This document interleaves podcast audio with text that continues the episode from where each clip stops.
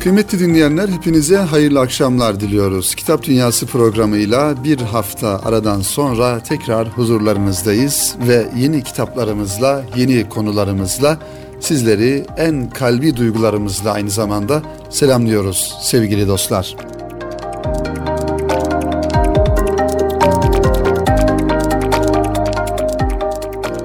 Efendim ilk başlayacağımız kitap bir şiir kitabıyla inşallah başlamaya çalışacağız. Bu kitap e, usta yazar ve şair Suavi Kemal Yazgıç imzasını taşıyor. Profil yayınlarından çıkan e, kitabın ismi Tövbe Gölgeli Suavi Kemal Yazgıç beyefendiye ait. Suavi Kemal Yazgıç 1972 yılında İstanbul'da dünyaya gelmiş. Yazıları, şiirleri, hikayeleri Ülke, Yedi İklim, Kırklar, İtibar, Bir Nokta, Posta Öykü gibi dergilerde başta olmak üzere bu dergilerde yayınlanmış. Ayrıca Sağduyu, Yeni Şafak, Milli Gazete ve Star gazetelerinde dönem dönem yazılar yazmış Suavi Kemal Yazgıç.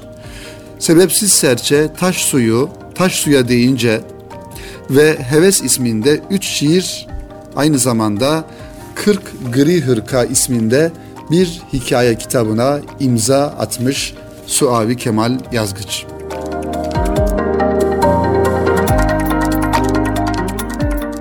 Edebiyat ortamında verimli bir hayat süren Suavi Kemal Yazgıç'ın son kitabı ise az önce ifade ettiğimiz gibi profil yayınları aracılığıyla okurlarıyla buluştu ve bu kitabın adı Tövbe Gölgeliği bir şiir kitabı.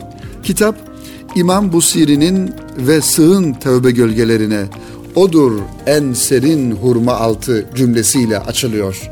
Tatlı bir esinti yüzümüze vuruyor biz bu cümleyi okuduğumuzda. Aynı zamanda şu şekilde devam ediyor. Ağaç bitmez köprülerden geçtim. İsmim eksildikçe ben çoğaldım. Ömrüm azaldıkça gölgem uzadı toprakta. Bütün kelimelerle sustum ve sessizlik aciz kaldıkça konuştum. Dünyaya düşen künyem soğuk yangınlarda kül oldu. Evet, Soğuk Yangınlar isimli şiirinden Suavi Kemal Yazgıç'ın mısraları bu şekilde efendim.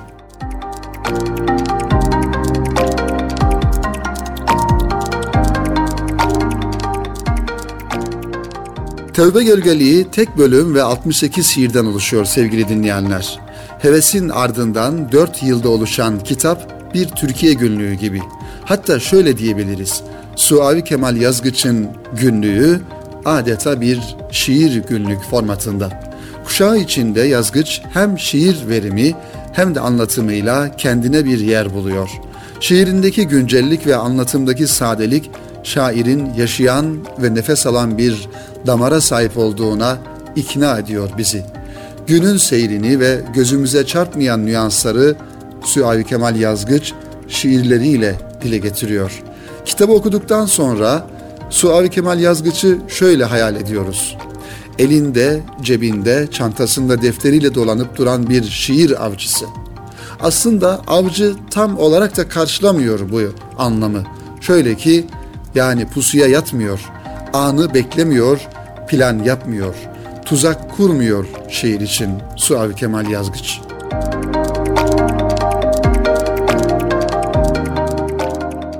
Yazgıç şiirle yürüyor adeta. Her an bir şeyler yazıyor.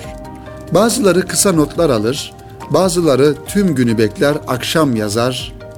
Bazıları ise sabah ilk iş oturur yazmaya başlar. Suavi Kemal Yazgıç ise yazma için özel bir çaba harcamıyor. Bir tören yapmıyor gibi geliyor bize. Şair bir haber görüyor ve şiire dahil ediyor. Metroya biniyor, bir mısra ekliyor. Uçağa yetişemiyor, şiir yazıyor. Annesini özlüyor, mektup şiir yazıyor. Bu kolay yazma işi bazılarına verilmiş bir yetenektir. Biraz da uğraşıyla ilgili tabii ki gazetecilik, metin yazarlığı, editörlük ve benzeri meslekler yazma işini pratikleştiriyor. Bunun da handikapları var elbette. Basitleşme, sıradanlaşma, tekrar, kuruluk gibi. Önemli olan çıkan metinlerden emin olmak. Suavi Kemal Yazgıç bu noktada yazdıklarından emin görünüyor. Evet, bu yazdıklarından emin göründüğünü şu mısralarıyla destekleyelim. Köklerim ecelden besleniyor, kanatlarım senden ve kelimelerle birlikte geri dönüyor hasret. Aşk için Gazel isimli şiirinden birkaç satır Suavi Kemal Yazgıç'ın Profil kitaptan çıkan Tövbe Gölgeliği isimli kitabı, şiir kitabı, şiir meraklısı olan dostlarımıza, şiir meraklısı olan kitap dostlarına tavsiyemizdir efendim.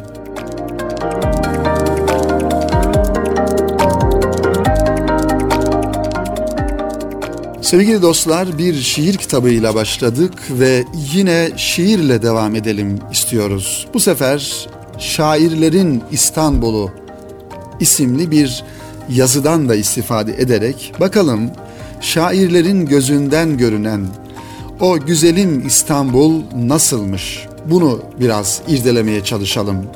Ve Osmanlı Simitçiler Kasidesi'nin 21. şiirinde şöyle bir mısra var. Işıldar baştan başa boğaz içi, değmeye görsün gözlerin sulara. Boğaz içinin akşamını, sabahını, mevsimlerini muhteşem üslubuyla adeta renkli tablolar halinde anlatan Abdülhak Şinasi Hisar, Eylül sonlarının boğaz içini şöyle resmeder. İhtimal ki hiçbir şey Eylül sonlarının bu yumuşak ve ancak bazı tecrübeli insanların yüzlerine benzetilen munis günlerinin gönlümüze döktüğü şefkat ve şiir tadına erişemez. İstanbul'un Eylül aylarını özellikle Eylül sonlarını güzel bir yüze benzetiyor Abdülhak Şinasi Hisar. Sevgili dostlar, İstanbul'un darası alınsa geriye koca bir aşk kalır. Çünkü İstanbul'un özü, mayası aşktır. Tarih aşkı, tabiat aşkı, medeniyet aşkı, insanlık aşkı ve bunların toplamı olan tabii ki ilahi aşk.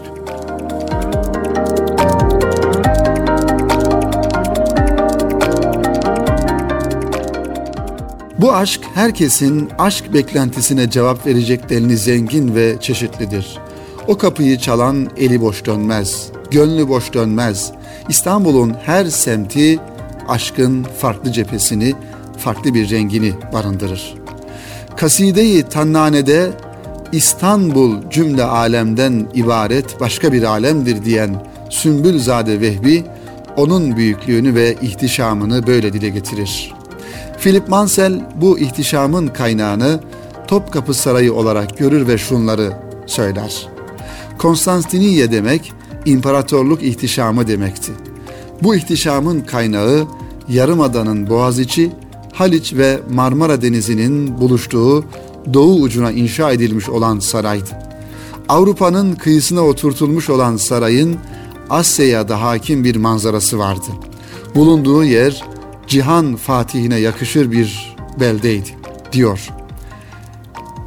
Evet, dünyanın arzuladığı bir şehir İstanbul. Özellikle de şairlerin.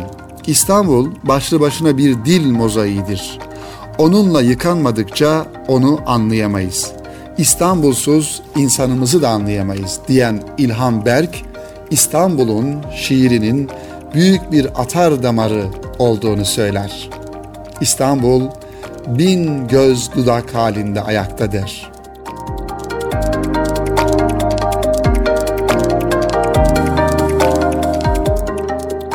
Aynı zamanda bir İstanbul aşığı olan Cemal Süreyya, şurada senin gözlerindeki bakımsız mavi, güzel laflı İstanbullar derken onu bir sevgiliye benzetir. Üstad Sezai Karakoç ise öyle büyüyor, öyle çoğalıyorsun, İstanbul kalmıyor diyerek sevgiliyi İstanbul'la özdeş kılar, onu İstanbul'un yerine koyar. İstanbul'u özellikle de Boğaz içini en güzel anlatan yazarlardan biri hiç kuşkusuz Abdülhak Şinasi Hisar'dır. Fehmi Bey ve biz de İstanbul dünya güzeli bir haliyle bütün endamıyla, bütün güzelliğiyle karşımızda durur der. Ondaki aşkı işaret eder.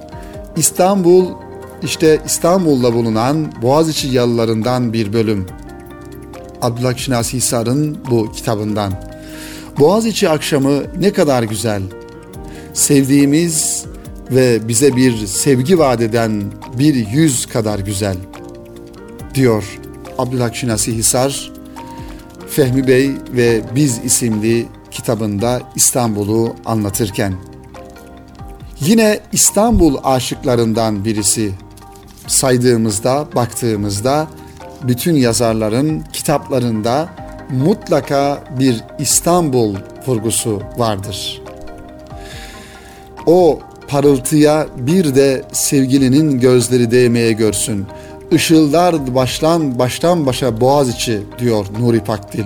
Çünkü Sezai Karakoç yeryüzüne ayı indir o bir şehir olsun dediği de aynı zamanda İstanbul'dur. Bu ışıltı Melih Cevdent Anday'ın şiirinde aynı ayın 14'üne benzetilir. Ve şöyle der Melih Cevdet Anday. Yamandır boğaz içinde ayın 14'ü yaman. Çileden çıkarır adamı İstanbul bu anlamda. Ve bu şekilde bu muhtevada yazılan şiirlere ilaveten Necip Fazıl Kısakürek Boğaz gümüş bir mangal kaynatır serinliği derken mangalla serinlik kaynatmak gibi harika bir imge düşürür şiirimize Üstad Necip Fazıl. Ve tabii ki şairlerin İstanbul'undan bahsederken sevgili dostlar Yahya Kemal'i unutmak olmaz. Yahya Kemal'in Aziz İstanbul'u Necip Fazıl'da daha içtenlikli bir söyleyişle canım İstanbul olur. İstanbul'a canım İstanbul diyenlerden biri de şair Bedri Rahmi Eyüboğlu'dur. Yeditepe'ye kurulmuş pul pul, gümüş gümüş balıkları, pul pul, ışıktan, sudan örülmüş canım İstanbul. Evet, yine Abdülhak Şinasi Hisar'a kulak verelim. Göklerinin yıldızları birer birer sönmüş gibi başka yerlerin karanlığına döndüklerini gördüm. Ancak bir boğaz içi var ki hayatı güzellik için sayarak sanat için sanat yapan, ruhun ihtiyacını süsleyen güzel ve hüzünlü bir ses gibi insana inanılmaz sihirli güzellikler duyurmaktadır. Ve ayrıca Ahmet Hamdi Tanpınar Boğaz'ın mazisi belki de aradıklarımızı yerlerinde bulamadığımız için bizi öbürlerinden daha fazla çekiyor diyor Beş Şehir kitabında. Ve bunu derken önemli bir hususa parmak basıyor. Boğaziçi bir bakıma İstanbul'un beşeri yanını içinde barındırır. Hislerin, arzuların, tutkuların, çılgınlıkların en yoğun yaşandığı yerdir Boğaziçi. İnsanın bu özelliklerine, bu hallerine tanık olmadan onu anlamış olmayız. Ve Bilge Kral Aliye İzzet Begoviç'in şu sözünde olduğu gibi bir insan fikirleri ile değil duyguları ile tarif edilir. Yahya Kemal bu duyguların İstanbul'un semtlerinde derece derece olduğunu belirttikten sonra şunları ifade eder. Boğaz içinde bazı vadilerde ve körfezlerde havanın tecelli ettirdiği bazı saatlerde yalnız hayatın şiddet bir şevki belirirdi.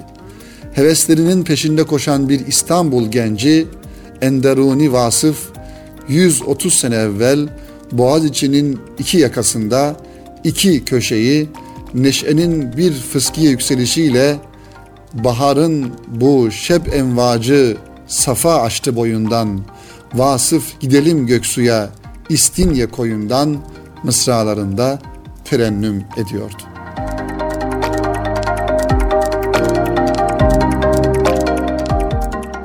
Evet, işte sevgili dostlar bir şiir kitabıyla başladık. Suavi Kemal Yazgıç'ın Tövbe Gölgeliği isimli şiir kitabını sizlere anlatmaya çalıştık ve arkasından da dilimizin döndüğü kadar şairlerin, yazarların, edebiyatçıların gözünden İstanbul yani şairlerin İstanbul'u nasıl bu sorunun cevabını bulmaya çalıştık. Bunun için sevgili dostlar bahsettiğimiz şairler, yazarlar, başta Necip Fazıl, Yahya Kemal, Ahmet Hamdi Tanpınar, Abdülhak Şinasi Hisar, Sezai Karakoç, Nuri Pakdil ve bunlara ilaveten belki onlarca yazar.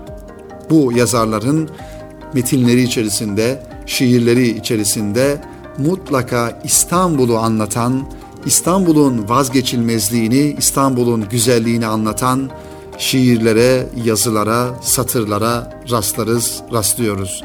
Onun için bir taraftan Üstad Necip Fazıl'ın İstanbul'u anlatan şiirini okurken öbür taraftan Yahya Kemal'in Aziz İstanbul şiirini de okumak gerekiyor. Ve İstanbul'u anlamak için de okumanın yanında aynı zamanda İstanbul denilen, İstanbul'u İstanbul yapan özellikleriyle bu mekanları yaşamak, gezmek, oralara tanık olmak gerekiyor sevgili dostlar. Kıymetli dostlar, geçtiğimiz yılda malumunuz Türkiye önemli bir dönüm noktası yaşadı ve 15 Temmuz darbe girişimi olarak tarihe e, yazılan, tarihe kaydedilen bu dönüm noktasında belki hadiseleri bir 15 Temmuz öncesi ve 15 Temmuz sonrası diye değerlendirmek gerekiyor. Ve tabii ki 15 Temmuz darbe girişiminin failleri olarak karşımıza çıkan bir örgüt, bir terör örgütü bir yönüyle ve bu terör örgütüyle alakalı da işi yapan, işin faili olan ve bizzat olayın içinde olan insanlar bugün Türk yargısının huzurunda hesaplarını veriyorlar, vermeye devam ediyorlar.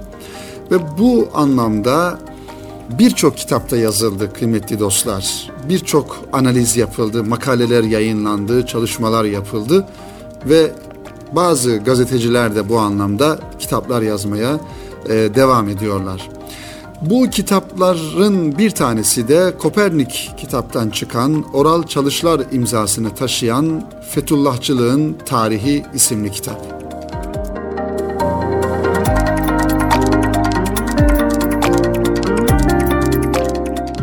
Oral Çalışlar'ın yeni kitabı Fetullahçılığın tarihinden Fethullah Gülen'in başlattığı ve sonunda maalesef terör örgütüne dönüşen hareketin tarihini liderinin dahili ve harici gizli açık ilişkilerini, Türkiye'nin son yarım asırda yaşadığı kırılma ve evrilmeleri kuş bakışıyla okumak mümkün. Böylece olaylar ve ilişkiler üzerinden bir çeşit yakın dönem tarihine ilişkin hafıza taze, tazelemesi gerçekleştirilmiş oluyor. Türkiye son yarım asırda bir taraftan karanlık ilişkiler ağına zorlanırken diğer taraftan kabuğunu kırmaya ve zincirlerinden kurtulmaya çalışıyor. FETÖ hareketi kuşkusuz büyük bir kuşatma hareketiydi. Bu yüzden onu tanımak, ilişkiler ağını ve kodlarını çözmeye çalışmak Türkiye'nin özgürleşmesine ve kendi ayakları üzerinde durmasına katkı sağlayacaktır.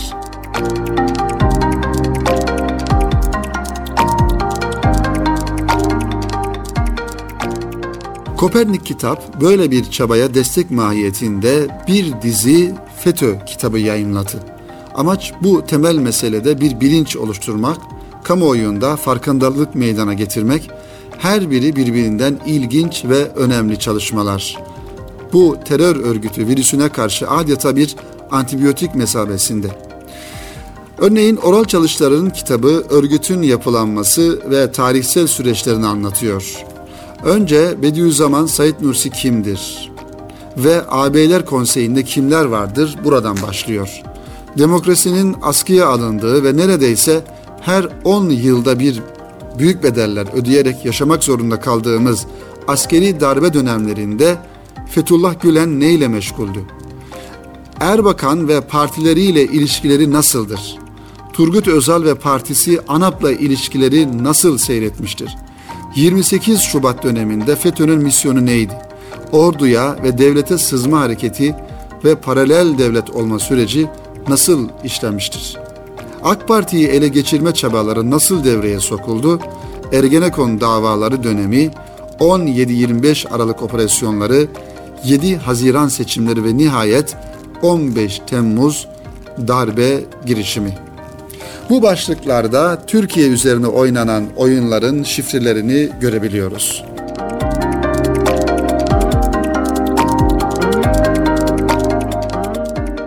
FETÖ hareketi artık her şeyiyle deşifre edilmelidir. Kimler bu değirmene su taşımıştır?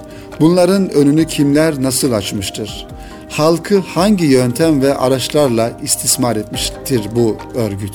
Bunları iyice bilmeliyiz ve anlatmalıyız. Çünkü bu hareketi eğer doğru çözebilirsek benzeri oluşum çabalarına fırsat verilmemiş olur diyor bu kitabında. Görüldüğü gibi FETÖ tarihi bir kirli ve hain ilişkiler tarihi olarak karşımıza çıkmaktadır. Artık bu yapı kılcal damarlarına kadar deşifre edilmelidir. Türkiye zorlu süreçlerden geçerek güçlü hale gelecektir diyor Oral Çalışlar Fetullahçılığın Tarihi isimli kitabında ki bu kitap Kopernik yayınlarından bu anlamda bu örgütü anlatan kitaplara ilave olarak yayınlanmış kitaplardan bir tanesi sevgili dostlar.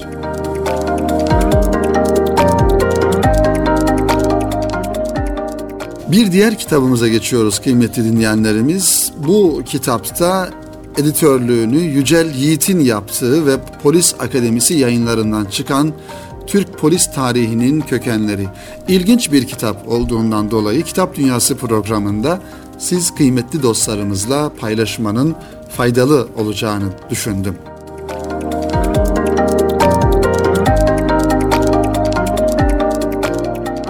Son yıllarda yayınlarıyla öne çıkan kurumlardan biri de Polis Akademisi'dir. Bu yayınların içine dönük olmadığını, kurum içi seminer ve öğrencilerin eğitimine yönelik ders kitabı vasfını aşan bir mahiyet ve muhteva taşıdığını söyleyebiliriz. Genel kolluk, zabıta, emniyet, asayiş gibi kamu güvenliği ve huzurunu ifade eden mefhumların kurumsal ve örgütsel veçesi, tarihi gelişimi, polis teşkilatının ayrı ve uzmanlaşmış bir kurum olarak yapılanması ve idare cihazındaki yeri aslında ziyadesiyle alakayı hak etmektedir. Doğrusunu söylemek gerekirse Emniyet Genel Müdürlüğü ve Polis Akademisi'nin yayınlarının uzun müddet kamuya mal olmadığını, genel okuyucuyu hedef almadığını ve bunun da geçmişte büyük bir eksiklik teşkil ettiğini söyleyebiliriz.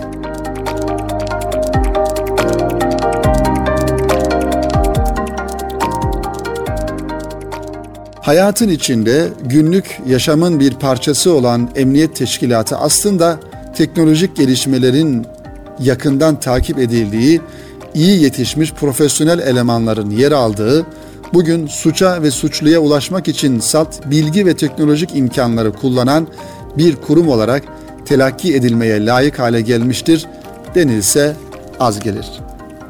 Polisin salt toplum nezdinde değil, uluslararası arenada da itibarını temin ve tezid etmek, bir dönem biraz da imaj kaygısı, reklam meselesi, hatta inkar hadisesiydi.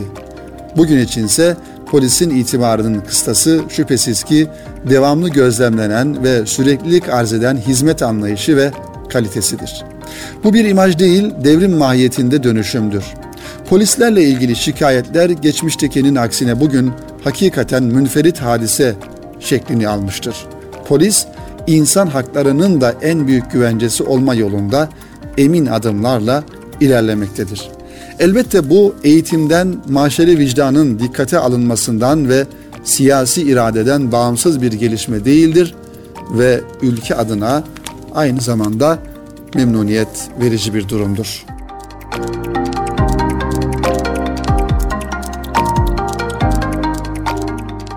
Bahsettiğimiz gibi sevgili dostlar, kitabımızın yazarı Yücel Yiğit'in editörlüğünde yayınlanan Türk Polis Tarihinin Kökenleri isimli çalışma aslında tarihi sürecin anlaşılması yolunda atılmış ciddi adımlardan birisi. Polis teşkilatı tarihi aslında alakalı ve irtibatlı olduğu pek çok hadiseden, kurumdan ve devirden bağımsız ele alınmaması gerekir. Güvenliğin askeri, siyasi, idari, sosyal, demografik pek çok veçhesi bulunmaktadır. İster istemez çok yönlülük ve disiplinler arası çalışmalara ihtiyaç hasıl olmaktadır. Bu eserde farklı ihtisas sahalarına mensup akademisyenlerin konunun farklı yönlere temas eden makaleleri bir bütünlük içerisinde bir araya getirilmiş.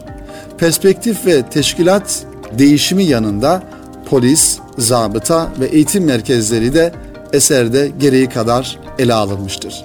Erken dönem İslam tarihi ve Ortaçağ Türk İslam devletlerinde kolluk ve asayiş meselesi Osmanlı devrine ve bilhassa modernleşme sürecine bir girizgah hükmündedir ve böyle yapılması da tarihi sürecin anlaşılması bakımından faydalı olmuştur.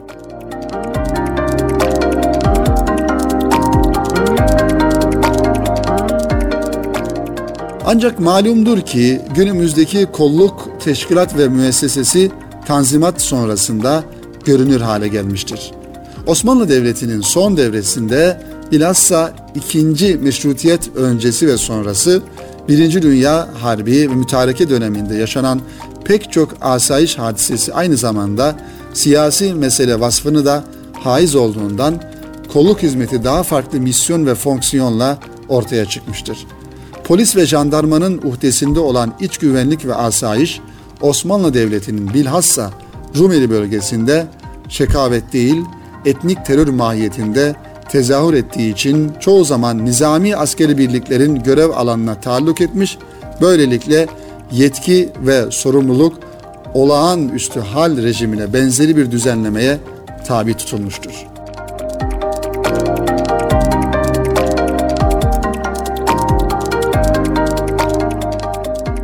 Mütarekede işgal altındaki payitaht İstanbul'da yaşanan siyasi, askeri ve asayiş hadiselerinin detaylarının anlatıldığı Yücel Yiğit'in İstanbul Polis Müdürü Halil Nedim Aşuroğlu'nun kaleminden Mütareke İstanbul ünvanlı makalesinde resmi vesikanın az olduğu hadise ve gelişmelerde eli kalem tutan idarecilerin hatıratının ne kadar hayati ehemmiyeti haiz olduğu da gösterilmiştir. Polis Teşkilatı Dahiliye Nezareti İçişleri Bakanlığı bünyesinde bir kurum olduğu için emniyetle idari mülki arasındaki yakın ilişki mülki amir atamalarında da görülür olmuş, emniyetçi valiler mefhumu oluşmuştur. Kabul edilmelidir ki polis teşkilatı valilik kanalıyla İçişleri Bakanlığı'na yani siyasi iradeye doğrudan bağlı bir kurumdur. Tek parti devrinin kendine özgü şartları da düşünüldüğünde polisin siyasi iradeye bağlılığının derecesi kolayca anlaşılabilecektir. Bu bakımdan eserde yer alan Tülay Gül'ün Serbest Cumhuriyet Fırkası reisi Fethi Bey'in Batı Anadolu gezisi ve kamu düzeni ünvanlı makalesinin dikkate değer olduğunu da ifade edebiliriz sevgili dostlar. Ve bu kitabı tabii ki okumuş olduğumuz belki farklı kültürel muhtevalı, farklı düşünce muhtevalı kitapların yanında biraz daha ilginç olur ve farklı bir alanı anlatır ve farklı bir alana bizi e, dikkatimizi çeker düşüncesiyle sizlere aktarmaya çalıştık. Türk polisinin kökenlerini, Türk polis tarihini merak eden dinleyenlerimizin elde edebileceği bir kitap Polis Akademisi yayınlarından çıkan ve editörlüğünü Yücel Yiğit'in yaptığı bir kitap kıymetli dinleyenlerimiz.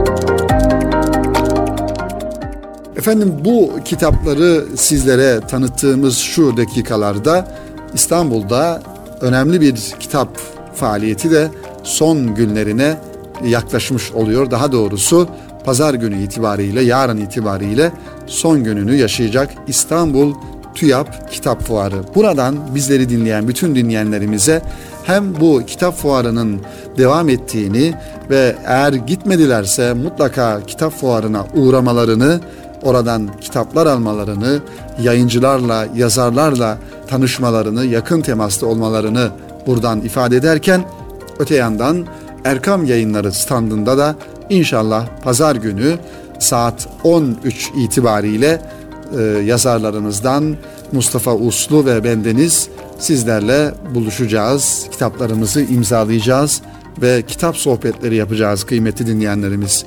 Onun için sizleri TÜYAP Kitap Fuarı'na özellikle bekliyoruz. Çocuklarımızla, ailemizle e, bir kitap şölenine hep beraber tanık olmuş oluruz sevgili dostlar. Kıymetli dinleyenlerimiz bu vesileyle Kitap Dünyası programının sonuna gelmiş bulunuyoruz. Ve umarız Kitap Dünyası programının içerisinde sizlere aktardığımız gerek kitaplar ve gerekse kitapla ilgili konular sizlere ve hepimize faydalı olmuştur. Önümüzdeki hafta yine aynı saatte buluşmak ümidiyle kıymetli dinleyenlerimiz hepinize kitaplı bir hayat diliyoruz. Hayırlı akşamlar diliyoruz. Hoşçakalın efendim.